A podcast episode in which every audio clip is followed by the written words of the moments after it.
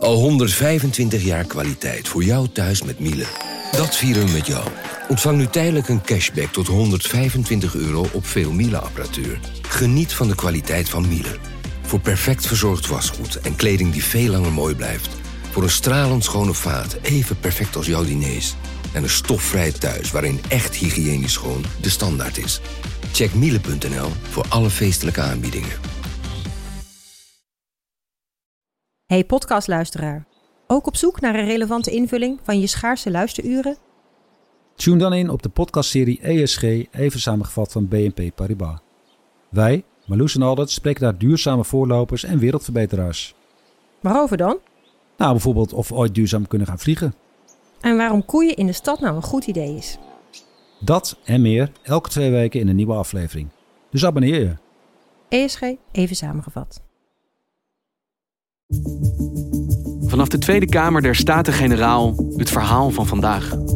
Mijn naam is Thomas Ruip.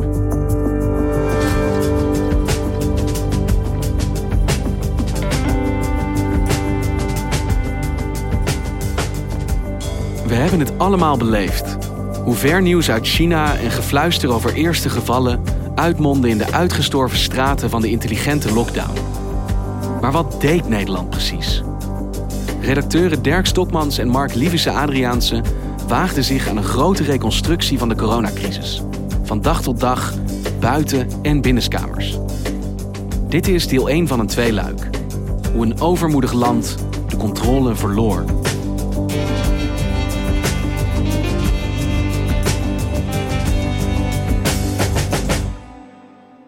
Hey Mark, we zitten nu drie maanden na het begin van de coronacrisis. En jij hebt samen met Dirk Stokmans de monumentale taak op je genomen om één grote reconstructie te maken van alles wat er in Nederland is gebeurd. Ik geloof dat het 12.000 woorden zijn, 10 pagina's in de krant. Waarom ben je dit gaan doen? Nou, kijk, normaal gesproken als je een reconstructie maakt... dan is er een overzichtelijk feit. Er is een ramp geweest of er is een kabinet geformeerd... en het is duidelijk wat er gebeurd is. En die moet het dan vooral invullen. Maar dit was een lopende reconstructie van een lopende crisis. Er wordt uh, mij bevestigd dat er een uh, patiënt is met het coronavirus in Nederland. Het, het coronavirus een, uh, is opgedoken in Nederland, om precies te zijn in Loon op Zand. Hoe hoorde u dit? Ja, op de tablet. Het hamsteren, dat is gewoon, jongens, niet nodig. Stop ermee. Kijk om je heen, er is zoveel eten. Uh, er is zoveel wc-papier. Ik ben helemaal niet bang, nee. Nee, gewoon een hele nuchtere Hollander. Ik begrijp dat. Ik ben nooit bang. Maar het antwoord op alle vragen die leven... begint bij de kennis en ervaring van deskundigen. En als het virus niet krijgt en ik loop de straat over... en dan komt de taxi en die rijdt me ook voor me donder. Dus we kijken naar iets, we weten eigenlijk niet waar we naar kijken... en dat proberen we tegelijkertijd op te helderen voor een verhaal... dat ooit ergens in de toekomst gemaakt zou worden. En wij wilden eigenlijk licht laten schijnen op hoe Nederland door deze crisis gekomen is, maar ook hoe Nederland erin is gekomen. Hey, en waar begin je dan? Wie ga je spreken hiervoor? Wij zijn natuurlijk buitenstaanders en wij willen naar binnen kijken. Binnen in het OMT, binnen in de ziekenhuizen, binnen in het katshuis, in de crisiscommissies.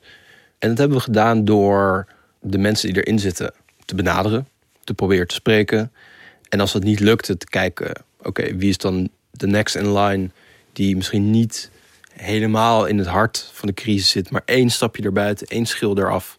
En op die manier hebben we, denk ik, het verhaal ook van binnenuit kunnen vertellen. Om erachter te komen wat er achter die gesloten deuren gebeurde tijdens die gebeurtenissen die we allemaal van buitenaf hebben meegemaakt. Inderdaad, ja. Het begint eigenlijk op 31 december vorig jaar. Dan komt er op ProMed, dat is een uh, e-mailservice waar ongebruikelijke besmettingen worden gemeld, het dagelijks bulletin binnen. En eigenlijk is het een hele rustige dag. Er is, een melding van uit een boerderij in Montana in Amerika dat een koe de bacteriële ziekte brucellose heeft. In Pakistan zijn twee nieuwe patiënten gevonden met polio. En in de Chinese provinciestad Wuhan liggen ineens 27 patiënten in het ziekenhuis met een longontsteking die artsen eigenlijk niet kunnen begrijpen. Zeven van die mensen zijn er heel slecht aan toe. Het lijkt erop dat al die mensen besmet zijn geraakt na een bezoek aan dezelfde voedselmarkt in deze stad. En dat komt via dit kanaal binnen. Hoe landt die melding? Heel divers. Er zijn virologen in Nederland die lezen het, die denken: oké, heb je weer een melding van een onverklaarbare longontsteking. Er is elke maand wel ergens op de wereld een cluster van patiënten waar niemand even van begrijpt wat er aan de hand is. Er zijn medici die het bericht meteen weggooien. En Marion Koopmans, dat is een viroloog van uh, de Erasmus Universiteit. En zij zit ook, uh, ze werkt ook bij de Wereldgezondheidsorganisatie. Stuurt het mailtje door naar haar collega's bij de WHO. Are you on this? Schrijft ze. Dus het leidt niet meteen tot schrik, paniek of zelfs maar opgetrokken wenkbrauwen. Wanneer verandert dat? Kijk, in China, Wuhan blijkt toch gauw niet zomaar een provinciestad te zijn. Het is eigenlijk een stad met 11 miljoen inwoners. Met een heel groot vliegveld waarmee ook naar Europa komt, naar heel Azië. En eind januari sluit Wuhan de hele stad af. Dat gebeurt een paar dagen voordat Bruno Bruins, die dan minister is uh, van Medische Zorg, een brief stuurt naar de Tweede Kamer over dit nieuwe virus. En eigenlijk zegt, ja, het, uh, het lijkt niet zo heel besmettelijk te zijn.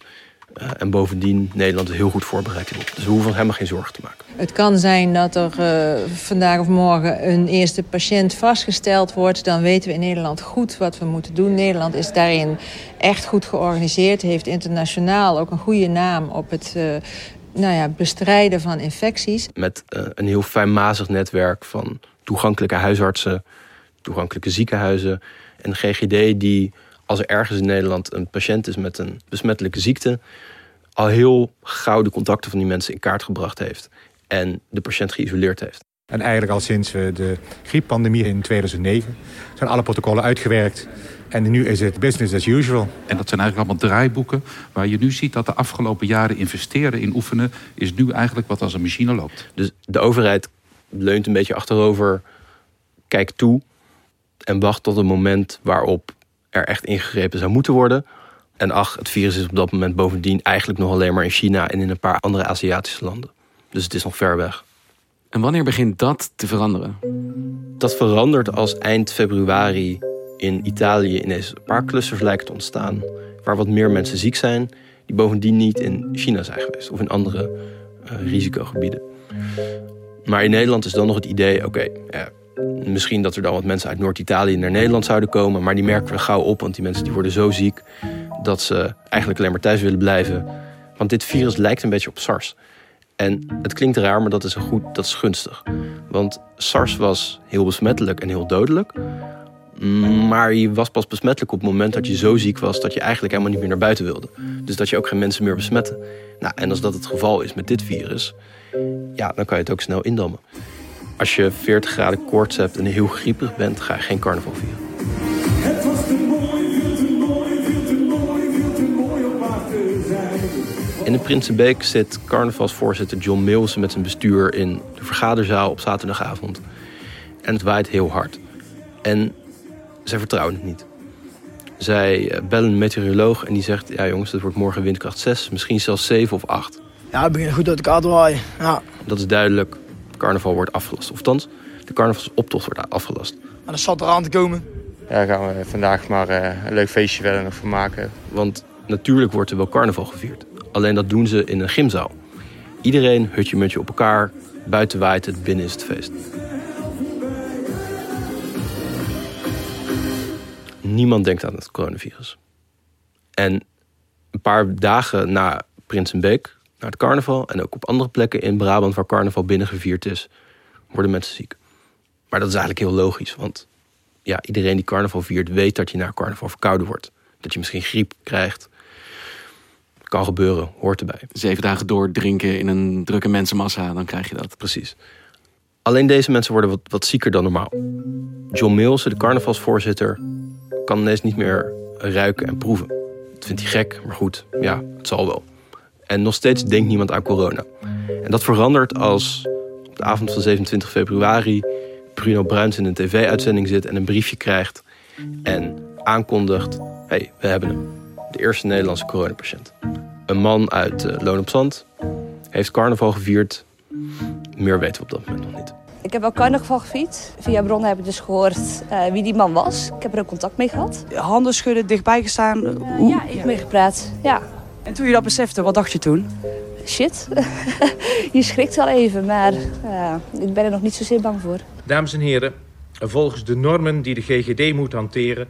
was de patiënt in de dagen dat hij carnaval vierde niet besmettelijk.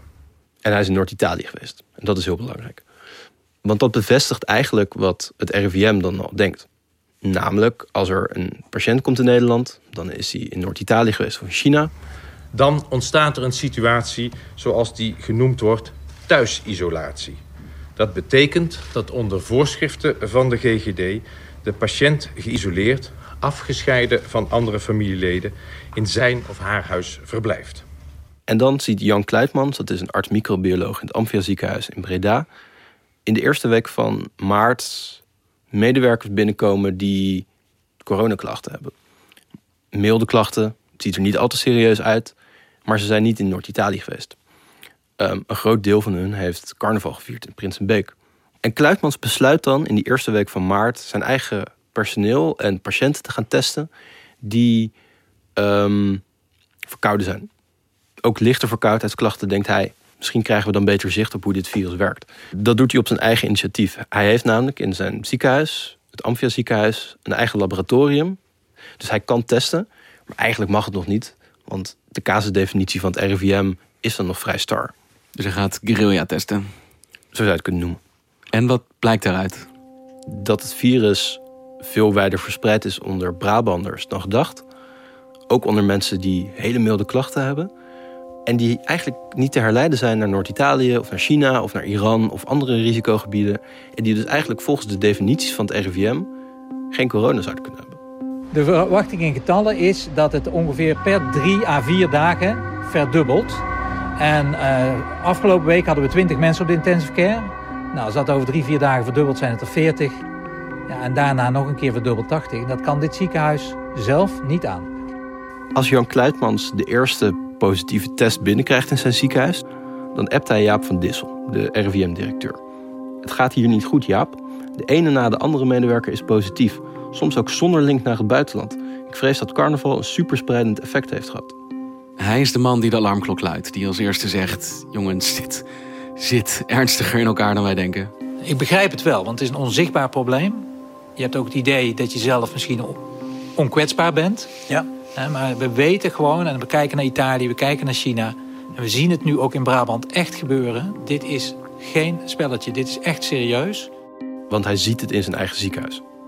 En dat is precies een week nadat dezelfde Jaap van Dissel voor de camera's van RTL Nieuws heeft gezegd... Nee hoor, carnaval dat is niet zo'n groot probleem... want mensen vieren dat meestal in kleine kring. Het is een groot evenement, hè, maar het virus verspreidt zich door grote druppeltjes. Dat betekent dat het risico eigenlijk beperkt is tot een straal van ongeveer anderhalf, twee meter. En dan als je carnaval viert met een bekende groep... dat betekent uh, isoleren van de patiënt, opsporen van de contacten... hen monitoren en meteen apart zetten mochten zij zelf klachten ontwikkelen. En daarmee kan je voorkomen dat het virus zich verder kan verspreiden. Carnaval heeft een brandhaard ontwikkeld in Brabant.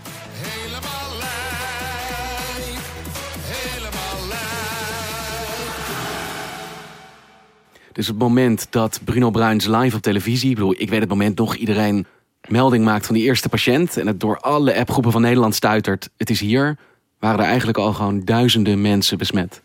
Uh, het Imperial College, het is een heel, daar zit een heel vooraanstaand virologisch instituut. Die hebben later berekend dat op dat moment eind februari al tussen de 3.000 en 9000 Nederlanders besmet moeten zijn geweest. Alleen worden die niet opgemerkt, omdat het RIVM alleen mensen test die in risicogebieden zijn geweest. En die zware klachten hebben. En bovendien zijn er dan al signalen, en dat is heel cruciaal, er zijn al signalen vanuit China dat ook mensen die niet zo heel ziek zijn, ook andere mensen kunnen besmetten. Oftewel, er is presymptomatische besmetting. Mensen kunnen andere mensen ziek maken voordat ze gaan hoesten, voordat ze koorts krijgen, voordat ze echt zo ziek worden dat ze alleen maar thuis willen blijven. En dat is een heel groot probleem. En wat gebeurt er dan achter de schermen? Want tot nu toe schets je een beeld, het virus wordt gezien, er wordt wel wat beleid gemaakt, maar nog steeds eerst het gevoel, het gaat zoals wij verwachten, we hebben dit onder controle. Begint dat ook te veranderen op dat moment? In Brabant wel. Ehm, in het weekend van 8 maart komen eigenlijk alle signalen van Jan Kluitmans vanuit de ziekenhuizen binnen bij Bart Berde. Dat is een regionaal ziekenhuisbestuurder. En hij denkt, dit gaat niet goed. Hij organiseert dan op zondag 8 maart een bijeenkomst in Uden. Daar zijn burgemeesters, Jan Kluitmans is daar en Jaap van Dissel is daar. En ze vertellen van Dissel, het virus is hier veel wijder verspreid dan we dachten. Carnaval is een groot probleem, we hebben maatregelen nodig. Die maatregelen voor Brabant komen er op uh, dinsdag. De betaald voetbalwedstrijden worden afgelast. zeven dagen sociale onthouding. Want dat denken burgemeesters zou toch genoeg moeten zijn om dit virus nog af te remmen. Wij moeten met elkaar als Brabanders een uiterste poging doen om dit virus in te dammen.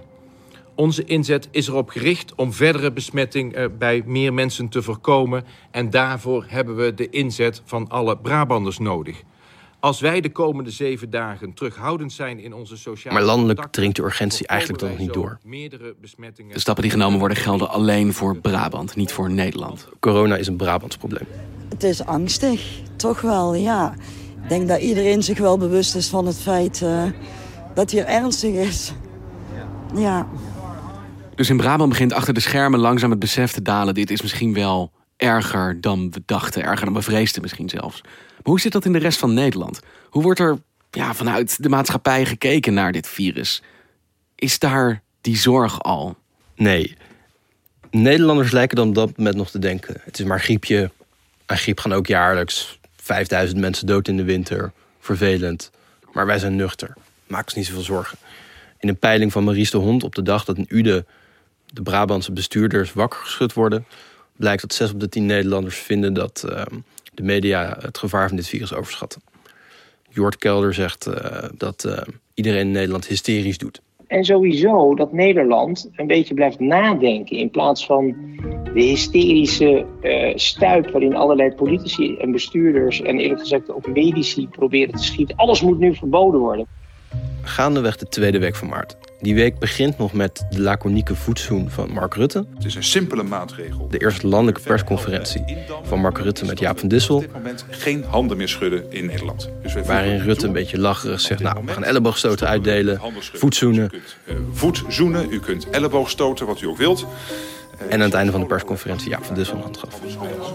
Oh, sorry, dat mag niet meer. Sorry, sorry. Nee, nee, oh, oh, over, over, over. Ik wil er nog wel. Zo. Ja. Donderdag is alles anders.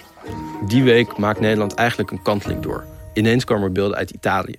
Volle ziekenhuisgang. Patiënten die op de gang liggen. Italiaanse artsen die wanhopig waarschuwen en zeggen... Nederland, grijp in. Als je nu niet ingrijpt, dan ben je te laat.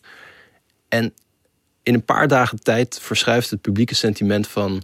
Nederland doet uh, te veel, uh, maak je niet zo druk... naar Nederland doet veel te weinig. Holy shit, we moeten gaan ingrijpen. We stevenen af op niets minder dan een totale uitbraak. En het kabinet loopt continu achter de feiten aan.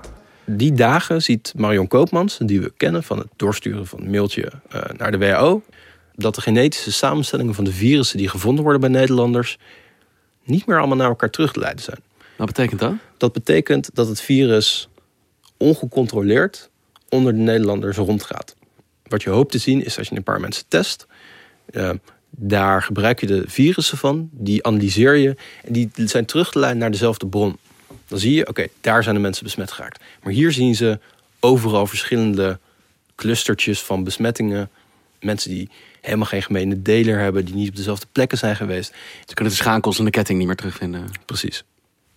En betekent dat dat het niet gewerkt heeft eigenlijk, wat ze hiervoor deden? Het OMT, de RIVM, het betekent dat Nederland vanuit de overschatting van haar eigen vermogen dit virus in te dammen, onderschat heeft hoe snel dit virus al rond bleek te gaan. Donderdagmiddag 12 maart verandert alles. Er is dan een persconferentie op het ministerie van Justitie en Veiligheid. Ik zat erbij met collega Pim van den Doel. En het was in de 10 minuten voordat dat begon stil in dat zaaltje.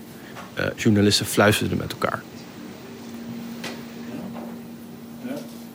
Terwijl normaal gesproken, ja, je bent een beetje uitgelaten, er is een persconferentie, er gaat iets gebeuren. Maar hier leek het gewicht van de historische beslissingen, waarvan we nog niet wisten wat er zou komen, maar wel vermoeden had dat die genomen zouden worden, al op de zaal te liggen. Het was stil, mensen waren in afwachting van ja, een crisis. Dames en heren, goedemiddag, hartelijk welkom. Um... En Jaap van Dissel zegt daar: In Brabant gaan we nu over naar de mitigatiefase. We kunnen het niet meer indammen. En in de rest van Nederland lijkt het beeld te kantelen. Nou, die ontwikkelingen uh, maken dus dat we uh, niet meer exact grip hebben op wat er eventueel zich afspeelt in de zin dat we de infecties kennen en de bron kennen. En dat betekent eigenlijk dat de fase van onderdrukken van het virus in gebieden in Nederland afneemt en we dus een fase hebben Waarbij we dus misschien kantelen en in feite met de mitigatiefase te maken hebben. En dat zijn gigantische woorden. Wij kunnen dit niet meer indammen. Dat staat natuurlijk haaks op wat jij eerder vertelde, zoals dat altijd leefde. We gaan dit wel redden. De wereldberoemde verdedigingslinie waarmee Nederland zich veilig waande, werd twee weken na de eerste besmetting losgelaten. De enige manier om dit virus nog terug te dringen is door hele grote maatregelen te nemen. Zo min mogelijk naar buiten te gaan. Thuis te gaan werken. En dan zie je dus dat de volgende dag de straten stil zijn en de stations uitgestorven. Voor het eerst dat Nederland echt gigantische, alomvattende maatregelen neemt. En het ergste moet dan dus nog komen. En wat op dat moment voor Nederland ondenkbare maatregelen lijken die het publieke leven stilleggen op een manier zoals in geen 70 jaar gebeurd is, blijkt een paar dagen later door de berekeningen van één man veel te weinig.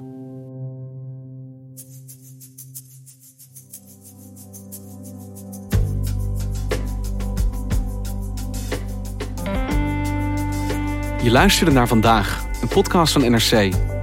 Eén verhaal, elke dag.